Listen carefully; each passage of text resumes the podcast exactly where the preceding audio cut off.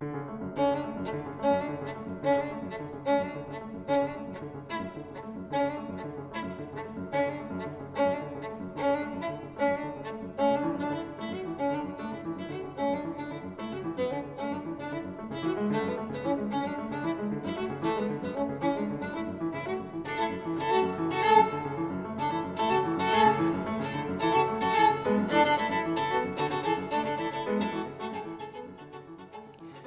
og sæl, kæru hlustendur.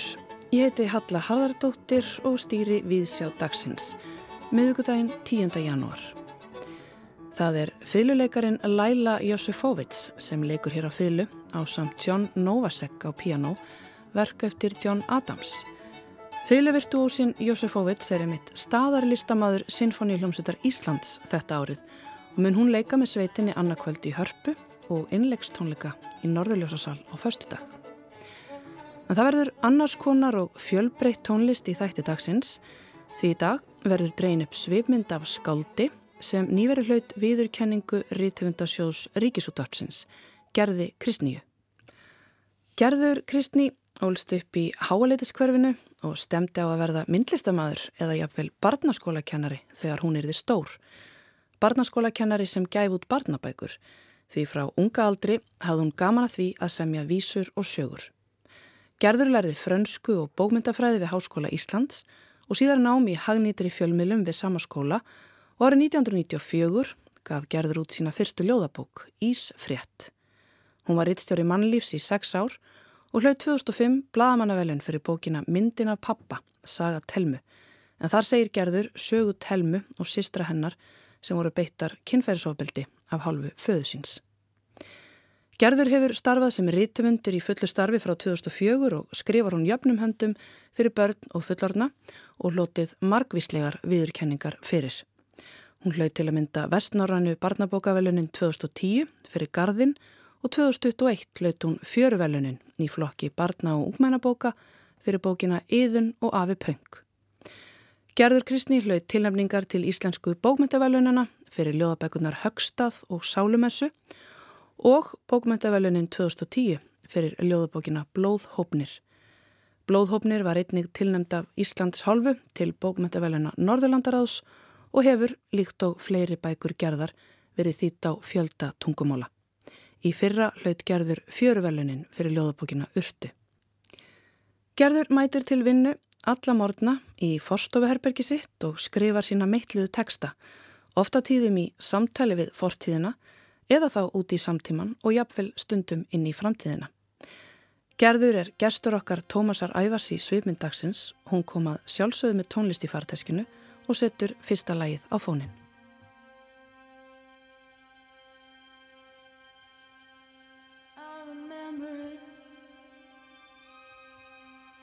Dublin in a rainstorm Sitting in the long grass in summer keeping warm.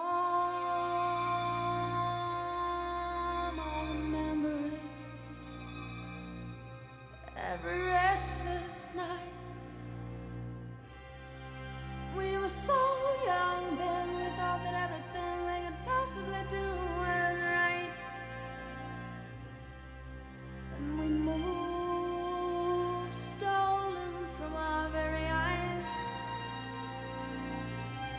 wondered where you went to.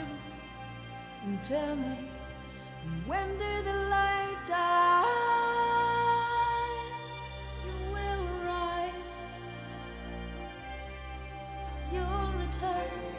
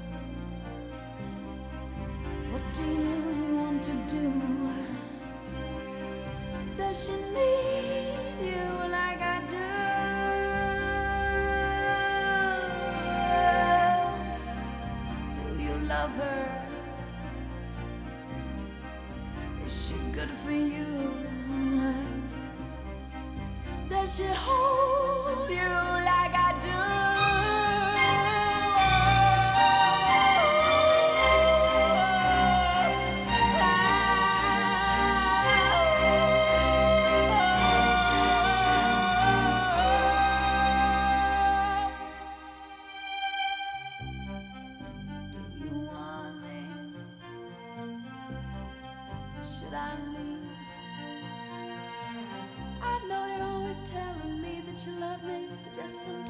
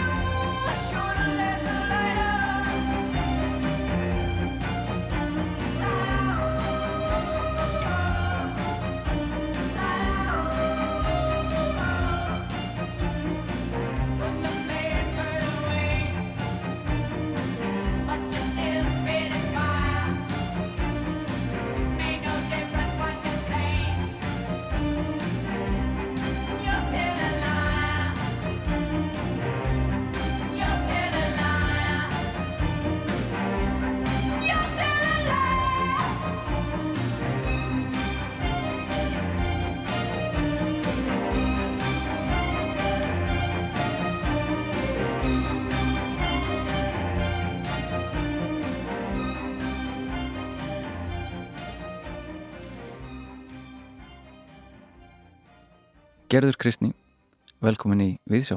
Takk fyrir. Og þú ert handhafi menninga viðurkenningar Ríkis útvarpsins í ár og færð útlitun og reytuundisjóði útvarpsins innilega til hamingju. Takk fyrir. En við komum hér inn í sveipmynd Viðsjár með uh, annari magnari konu, það er hún Sinead O'Connor sem syngur hér lægið Trói. Þú valdir þetta lag fyrir þáttin, mætti ég spyrja hvers vegna? Þetta er ofbóðslega kröftugt og dramatíst lag. Mér skilst að sínit hafi verið að yrkja um sambandsitt við móðurina. Ég horfði á heimildarmyndum sínit og sá fjallaðum þetta lag sérstaklega þar. Og þetta kemur út í 17 ára og það var bara dásamlegt að sjá þessa írsku söngkonu sköllóttu og fögru og hæfileikaríku og sterku flytja þetta lag og allt annað sem frá henni síðan kom. Og það er sagt að það þurfi heilt þorp til að ala upp barn og sínit og konnur, hún lítur að hafa verið bæjarfókitinn í þorpinu sem ól mig upp og síðan var Kortni Lofráðin á bæjaskristofuna og, og fleiri sem komið þarna að og einhver hlýtur hafa tekið á mótimanni í, í, í, þegar maður skrapp í laugarnar ef við setjum bara alla þá sem alamann upp. Maður er alin upp að, að, að popkultúrnum og bókmyndunum og tónlistarfólkinu þannig að jújú, jú, Vilbór Dagbjörnsdóttir hefur örklaunni þá í sundhöllinni og spjalla við mann þegar hún let mann hafa líkilinn og sápuna eins og var alltaf gert í sundhöllinni þegar ég var allast upp, maður fekk svona lilla sápu minn og hérna, jájá, allskyns fólk sem komað uppeldi manns, mm -hmm. kennarar og, og og söngvarar og allskins gott fólk sem varð á vegimanns. Og maður hlustaði eftir þessum söngtekstum og mátaði sig við þetta fólk og veldi fyrir sér hvað yrði úr manni, hvort maður yrði eitthvað tíma svona listakona líka. Mér langaði að verða myndlistarkona þegar ég var krakki. Ég fór á myndlistarsýningar með pappa mínum. Mér fannst það alveg liggja við, vel við mér að ég erði nú myndlistarkona sko. Svo átt að maður segja á því að maður gæti ekkert teiknað eða málað og prófaða kannski ekki heldur þannig að eitthvað annað tók við Voru ykkur ákveðnir eh, myndlistamenn sem heitluðu þá? Ég var svo mikil raunsæðist túta mér fannst Ringur Jóhannesson alveg magnaður hann málaði hvert strá ég gæti nú ekki ímynda mér að þetta væri neð sérstaklega flókið svona þegar ég var lítill krekki að, að vafra inn um þessar síningar en hérna Og það er það sem er svo gaman, það er innblástur en þegar maður heyrir eitthvað og lesa eitthvað og sér eitthvað og maður hugsaður, heyrðu þetta er engin vandi. Þannig að það, svo eh, hugmynd og hugsun fleitir manni eitthvað áleiðist, þá fyrir maður allavega að prófa og kannski rekst maður á veggan en það er líka holdt. En svo manni líka eftir því að hafa verið krakki á síningu hjá nýlistasafninu á Vastíð þegar myndast þetta stóð á fætur, allir tóka andköf og myndast þetta hann lappaði út og allir eldana, þetta var æðislega, þetta var gjörningur eftir rúri. Ég veist að mikið ríkæla hlýtur að vera gaman að vera svona listakon og það getur maður bara gert hanski svona. Þóst vera stitta á myndlistasýningu og platað alla. Mm. Og það er kannski það sem maður gerir líka í skaldskap með þykist þeir einhver annar svona rétt á meðan maður skrifar.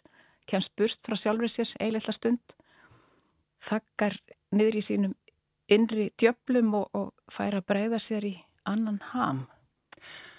Hvernig aukvöldar á geti nota kannski orðin í stað blíjansins eða stað sagt, að, að teikna mynd, að sagt, teikna upp myndir með orðum?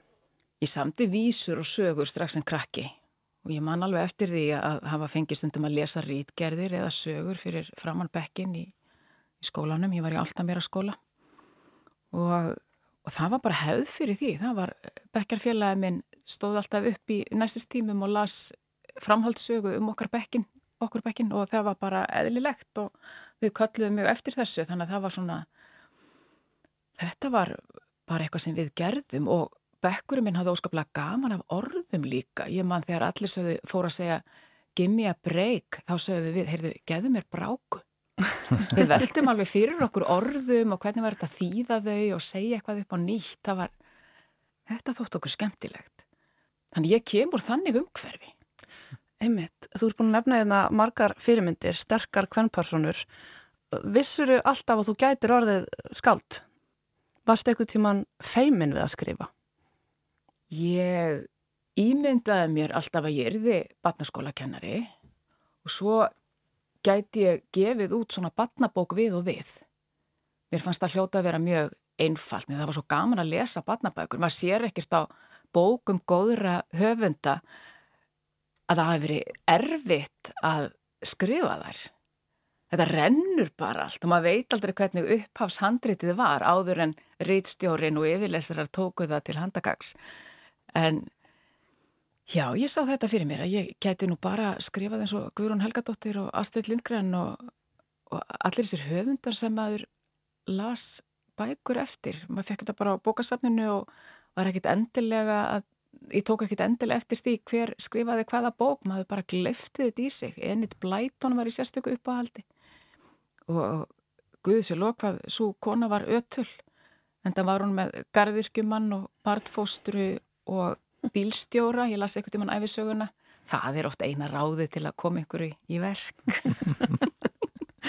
En hérna Uh, já, ég, hérna, þetta voru mínar hugmyndir og síðan fer ég í, í mentaskóla og, og, og háskólan í, í frönsku og bókmyndafræði og þá er farið að kenna hagnýta fjölmiðlun þannig ég bætti því ári við mig og leytist út í bladamennsku og um svipa leiti og ég hef störf sem bladamadur upphæfi ást 1994 þá um vorið kemur út fyrsta bókin mín þannig að þessir Eh, starfsferill minn sem bladamadur rennur þarna saman bara við að vera eh, reytöfundur. Ég mm. ímynda mér ekki að ég gæti verið í fullu starfi við þetta og ég var búinn að gefa út fyrstu bókina þegar ég hitti jafnaldra minn sem hafi gefið út tvær bækur sem bendi mér á og nú gæti ég sótt um listamannalun. Ég vissi ekkert um hvað hann var að tala. Ég hafði aldrei heyrt um þetta. Ég var aldrei í svona skáldaða reytöfunda kreðsu mm. og er það satt bara að segja ekki enn vinkunur mínar og vinnir ger eitthvað allt annað en að skrifa bækur. En við fórum í smá svona rannsóknar vinnu og, og, og tókum eftir að, að um, þess að menningaviðkenningin er ekki svo eina sem þú hefur fengið hérna frá Ríkisútvarpinu heldur uh, fegstu fyrstu velun á vegum Ríkisútvarpins í smásagnakeppni árið 1986 þá líklega cirka bát 16 ára mannstu eftir þessu og mannstu um hvað þessi smásaga var? Ég sendi inn smásögu, dramatíska smásögu sem heitir Kveðja klukkunar og þetta var um andlátt gamallar ömmu og það er ykkur klukka sem slær og hvað haldið að gerast, gerist? Konan er ekki fyrr dáin en bara klukkan hættir að slá. Þetta hangir svona gjörsamlega saman. Þetta sendi ég inn og vann smásanarsamkeppnina og fekk penna að launum og þetta var þáttur og keppni fyrir fólk upp í 17 ára þannig ég var svona í eldra uh, holinu þarna. Mm. Þetta var bara mjög gaman. Það er oft gaman að taka þátt í smásagna og ljóðasamkeppnum. Það verður oft til þess að maður líkur verki sem maður er að vinnað. Maður lætur svona hendur standa fram úr ermum og þetta fleitti mér áfram og, og fekk aukið sjálfströst. Ég hafi líka tekið þátt í ljóða og smásagnarkeppnum í mentaskóla án þess að komast á blað. En það stoppaði mig heldur ekkert. Mér fannst ég geta þetta. Þannig að þetta eh, slóð mig ekkert út af læginu þótt ég kemist ekki á blað. En þú sagði líka frá því í ræðunniðinni hérna á veluna afnýkunni að þú hefði skrifað undir dulnefni í mentaskóla líka. Hvernig, hvernig kom það til? Það var til tímaritt í eða skólablaði í MH sem hétt Beneventum og mér langaði til að sjá ljóðin mín byrtast á prenti, sjá hvernig þau litu út. En ég hafði ekki sjálfströst í að setja nafnum eitt undir. Þannig að ég notaði þarna dölnefni og þetta var seint að voru skólin að hætta þannig að ég veit að, að stelpann sem bar þetta nafn sem ég nota, ég veldi ekki fyrir mér að, að dölnefnið væri raunverulega nafn á mannesku í skólan að henni leist nú ekki alveg á þetta á þennan hveðskap og sjá nafni sitt undir en hérna þannig að það var nú aldrei sklöfalegt en síðan hef ég bara notað mitt eigið nafn þegar ég gef út. Mm -hmm. óhrætt alveg. Gerður, þú hérna eins og sagður okkur á þá fórst í frönsku og bókmyndir í Háskóla Íslands og, og svo í fjölmjölun af því að þú vildir hann að fara einhverja praktíska leið líka. Og þú kemur ansi sterk inn á rítvöllin þar þú varst rítstjóri mannlífs í heil sex ár. Og þá ert að fjalla um uh, hluti sem að fjölmilar voru lítið farnir að fjalla um á þessum tíma. Um, eitthvað sem að mætti kalla skuggahliðir mannlífsins. Þú dregur þær hliðar fram úr skugganum sem þú heldur svo að reyndar áfram að gera í skáldskapnum eftir þú hættir í blagamennsku hvað varst að hugsa á þessum tíma? Hvað, hvaða taug var þetta? Ég hafði áhuga á málefnum fangamann ég Ég hafði áhuga á kvennréttindum. Mér fannst ákaflega dölafyllt hvað fámál voru tekin fyrir, af, fyrir dómstólum þegar eh, konur og karlar kærðu kynferðis ofbeldi. þetta var bara þakka niður og þær þorð ekki eða, eða þessir þólendur þorð ekki að, að segja sögu sína nema bara í, í hópi annara þólenda og mér fannst þetta alveg ótrúlegt að við værum ekki komin lengra. Og ég tók nokkur viðtöl við þólendur kynferðisofbeldis.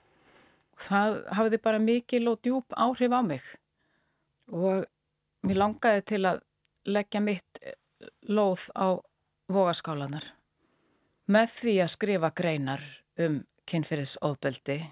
Og smám saman tókst mér að, að öðlast trúnað þólanda kynferðisofbeldis og úr því spratt myndin af pappa Saga Telmu sem kom út 2005 þar sem Telma Ásísardóttir saði mér sögu sína af kynferðisofbeldinu sem pappinar beitti hanna og sístur hennar. Svo þegar ég var rítöfundur í fullu starfi þá fann ég alveg að það voru fleiri sögur sem ég hafði heyrt sem bladamæður og rítstjóri sem ég gæt bara ekkert glemt eins og til dæmis sagan sem ég segi í, í drápu ljóðabálkinum drápu sem kom út árið 2015 held ég. Og það er sögð saga Gretu sem myrt var af manni sínum Braga í Rís íbúð við Klapparstík og þar vildi ég líka segja frá stemningunni í, í Reykjavík borginni sem ég ólst upp í og vetrar stemningu og þar fær djöfellin sjálfur að segja söguna það er svona eitt og annað já og líka í, í bók sem heitir Sálumessa mm -hmm. þar var um, mál sem ég heldur ekki glemt og hafi velt, velt fyrir mér í 15 ár kona sem var beitt kynferðisofbeldi af hendi bróðursins og svifti sér lífi mér langaði til að setjast niður og segja hennar sögu hver ég held hún hefði verið þegar ég hitt hana hver ég held að ég væri og hvað ég ímyndaði mér að ég væri að gera. Þannig að þetta var svona eilitið uppgjör. Einmitt. Og svo í rauninni fjallar að líka um kynbundi ofbeldi í blóðhópnum þar sem að þú endur segir í raun sögur fortbókmyndunum og út frá kvenlegu sjónarhaldni. Uh, mér langaði um þetta að spyrja þig sko drápa, þá yrkir eins og þú segir um konur samtíma okkar, bókstaflega drápu eins og skáld ortu uh, til mikilmenna á öldum áður Já, þú, þessi átti alveg skil í sína drápu. Akkurat, mm. þú yrkir drápu til fórnalamps eða þólanda ofbeldis og, og þetta bara að gera þetta, upphefja þessar konur, er í raun feminísk átöfn, ekki satt? Jú, það er það. Ég hérna lít á þessa bálka sem hillingu. Ég er að hylla þessar konur, líf þeirra, benda á þeirra og segja að þær voru vist til og þær skipta okkur máli og það er svo sem enginn að fara að reysa þeim stittur eða og við byggjum ekkert um það svo sem en hérna við getum orð þeim hvæði og í blóðhófni þá finn ég fjölina mína í þessum, þessi formi að yrkja bálk, ég vissi ekki hvort að ég gæti það, ég yrki venilega svo knaft sjö línur og mér finnst það að vera bara fínljóð nógu langt, þannig að einhvern veginn að halda áfram með söguna og aðtuga hvað gerist það ég kom staði að, að það virkaði í blóðhófni þannig ég hef haldið áfram með það form og það nýtist mér til að hylla þessar sterkur konur sem við eigum og höfum átt. Mm -hmm. Hvena kynntistu feministkra hugsun? Mér grunar að ég sé bara gamaldags rauðsokka.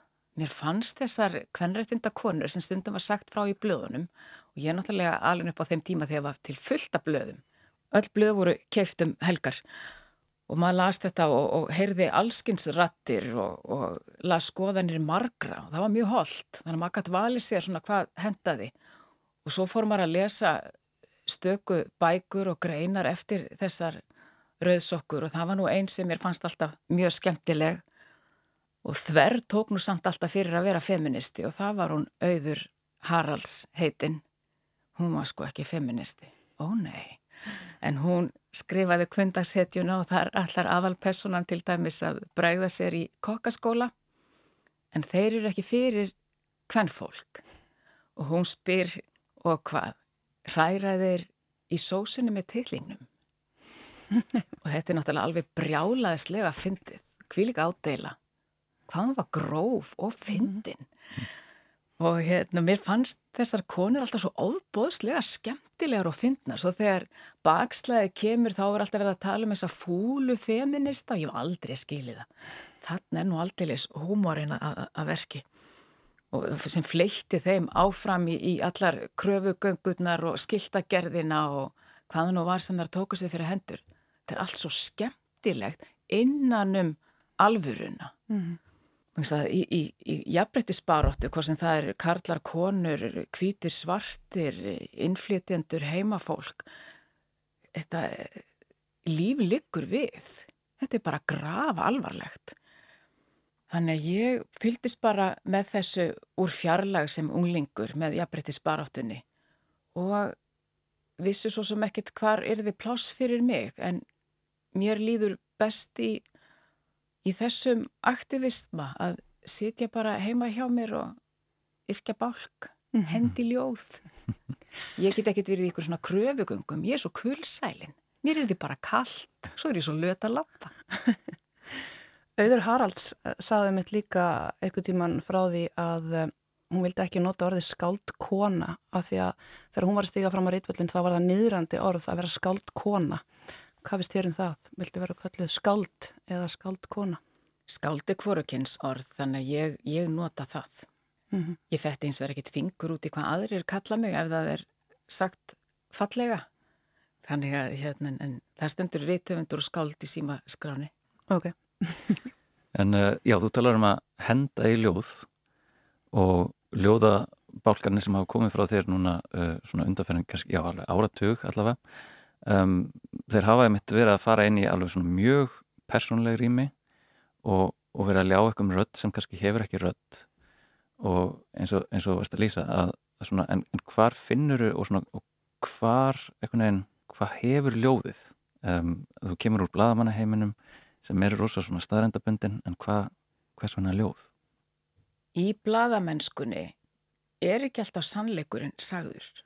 Fólk skrifar mikið um lífið og heiminn eins og það vill sjá hann. Hverjir eru vinnirmanns og hverjir eru ekki vinnirmanns. Sumir fá rött og aðrir ekki. En sannleikurinn býr í skálskapnum. Það hljómar eins og ég sé að snúa út úr en þetta er raunverulega þannig. Ég hætti bara að ljúa um leið og ég varð skáld og fór að segja sannleikan þar. Og ljóðið er svo knaft það er svo tálkað form og það er úr hinu forna. Þetta er bara eldgamalt form. Maður er virkilega að, að nýta sér þekkingu uh, fortíðarinnar og reyna að tala við samtíman og helst út í framtíðina líka. Þetta er bara eins og að vekja upp draug grafa bara aftur niður í jörðina og, og hristan upp úr moldinni og fá hann til að hlýða sér. Og þegar ég var búin að átta mig á því að ljóðið gæti hvað sem var, þá fór nú fyrst að verða gaman. Og til að búa til meittlaðar myndir sem svona lauma sér inn í hjarta, þá er það ljóðið sem blífur.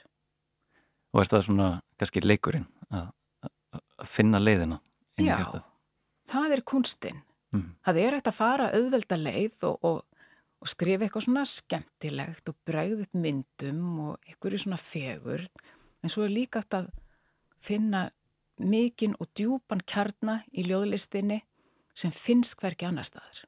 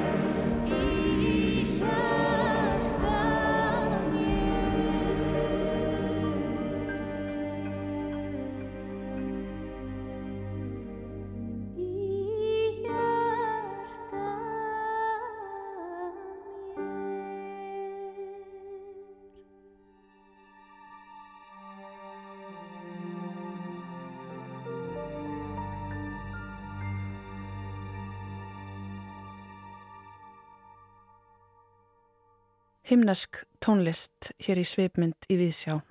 Gerður Kristni, gestur okkar í dag, setti þetta fónin. Gerður, af hverju þessi tónlist? Þetta orðan Kolbjörn Tumason, rétt áður en hann lést í Víðinesbardaga 1208 sem betur fyrir var einhver hlaupand og eftir honum með kassetutæki og, og tókst að taka hvæðið upp og Þorkild Sigurbjörnsson samtið þetta fallega lag og mér finnst þetta bara himnest og ég eh, segi ykkur þetta bara persónulega hér og vonandi er ekkit verið að fara að senda þetta út en ég hlusta alltaf á þetta þegar ég sækjum listamannalun svo maður sé ekki upp fullar af róka og stærilæti og auðmygtinni sáldrist yfir mann. Mm. það er svo holdt þetta er svo fallegt. Mm. Já, þetta er, þetta er lag sem er einhvern veginn stærri en lífið þegar maður heyra það og yfirleitt eh, finnst mér ég alltaf heyra það með eitthvað svona rosastónun kór til að undurstryka slíkt. En við fórum að velta fyrir okkur einmitt líka út frá þessu lagavali. Ertu trúið? Ég held í mína barnatrú. Mm -hmm. Hvað er alltaf með? Mm. Þetta lag himnest fallegt en það býr mikil sársöki líka í þessu lagi myndi ég að segja.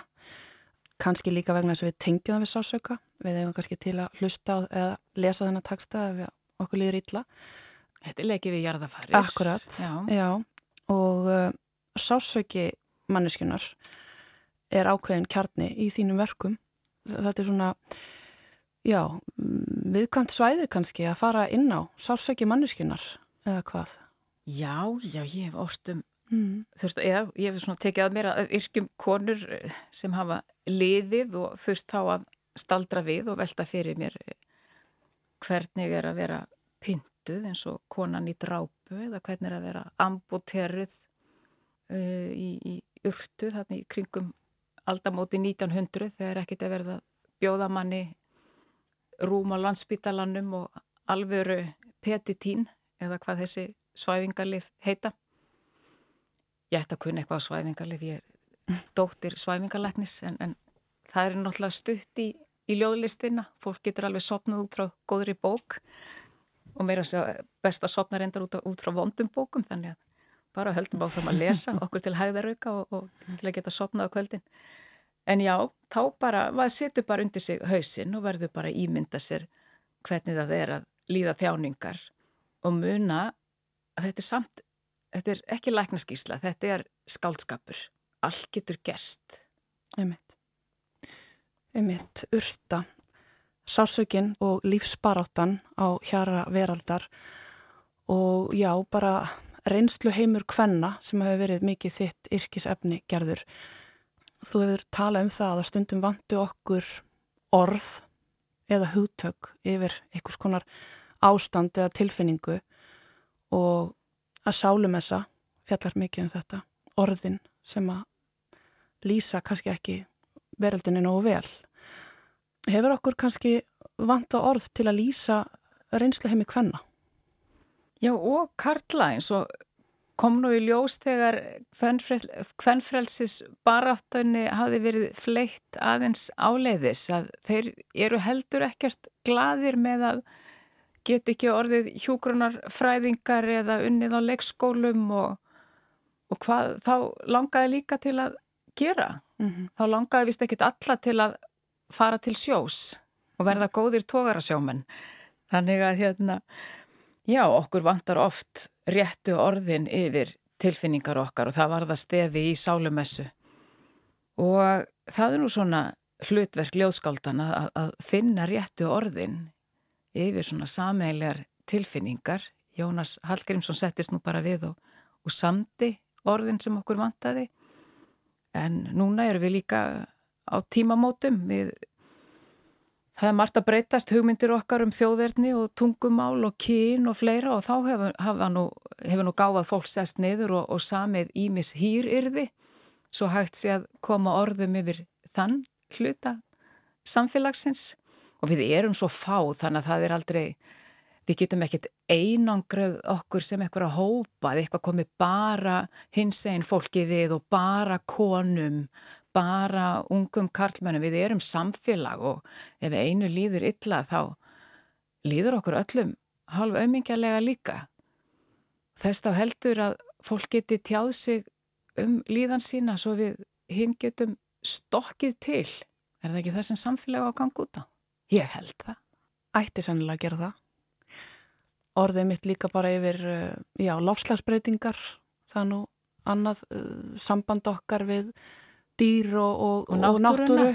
Já, eins og urtu þar sem urtan og, og þessi mennska bóndakona eh, eru bara eiginlega ein og sama veran. Seldar undir sömu þjánunguna og, og sömu móður ástina. Þannig að já, já, það getur vaknað eitthvað morgunin og verið orðin að urtu. Hver hefur ekki lendið því? Vaknar þú gerður alla morgna og finnur þessa þörf til að setjast neður og skrifa og vinna bara. Já, ég á alltaf hugmyndir að vinna úr. Nú er það ljóðið sem á huga minn en líka smásagan. Ég gaf út smásagnarsapn 1998, þar að verða langt síðan. Og nú á ég glæni að smásögu á veftímaritinu Stelk, stelkur.is og já, þá fekk ég tækifæri til að semja smásögu aftur. Þannig að ég vippa mér svona úr einu forminu í annað og aðtuga svona hvað mér hugnast best. En ljóðið er mitt. Mm Og, og, og setur þú lengi við á daginn? Ertu með skrifstofu? Hvernig, hvernig vinnur þú? Ég er með forstofaherbergi. Ég er með ágætis forstofaherbergi og þar hef ég eh, pláss fyrir mig og mínar hugmyndir og oft þarf maður nú að svara ímsum svona tölvupóstum út á söður áður að maður hefur störf, lesi yfir þýðingar til dæmis. En já, þannig er vinnudagurinn. Maður bara mætir til vinnu, stimplar sig inn og hefur leika. Þú fer ekki í svona langa göngutúra að leita einblæstri eða, eða eitthvað þannig sem reytvöndar eru stundum svona orðaðir við að, Nei, mér er þetta svo kallt. einmitt, Þannig ég, jú, jú, auðvitað fer maður stundum einhvert og, og út á land til dæmis, eða út í lönd og, og hérna, og einbyttir sér, það er mjög holdt. Þá gerist oft eitthvað í tekstanum sem hefði aldrei gerst heima hjá manni. Það er mjög áhugavert að, að sjá það og stundum koma yfirlesara manns auga á furðulegar myndir sem einmitt hefðu ekki vaknað hér á landi. Þannig að það er alltaf þessi virði að, að breytum umhverfi. En annars er það nú bara ímyndanaraflið sem knýr starfið áfram. Við erum uh, komin að lókum þessa þáttar, Gerður Kristný. Virkilega gaman að sita hérna með þér og fá að heyra um uh, þína leið í skálskapnum. Um, við ætlum að ljúka þessu á lægi sem að þú komst með. Segð okkur nú aðeins frá þessu lægi áður með sittu þá. Þetta er hún Patti Smith og hún ætlar að syngja fyrir okkur ákálega kröftuglega People have the power. Þannig ef að Sínit og Connor var bæjastjórin, hvaða embætti eigum við að gefa henni Patti Smith? Já, hún hefur kannski verið skólastjórin í, í mínum skóla og, og seti þess að maður væri ekki að hlaupa á göngunum og alls ekki með skæri auðvitað en, en jú, stundum hefði hún litið undan og, og hvart mann til að hlaupa eftir göngunum. Einmitt bara svona til að leifi manni að, að hlaupa á sér hornin.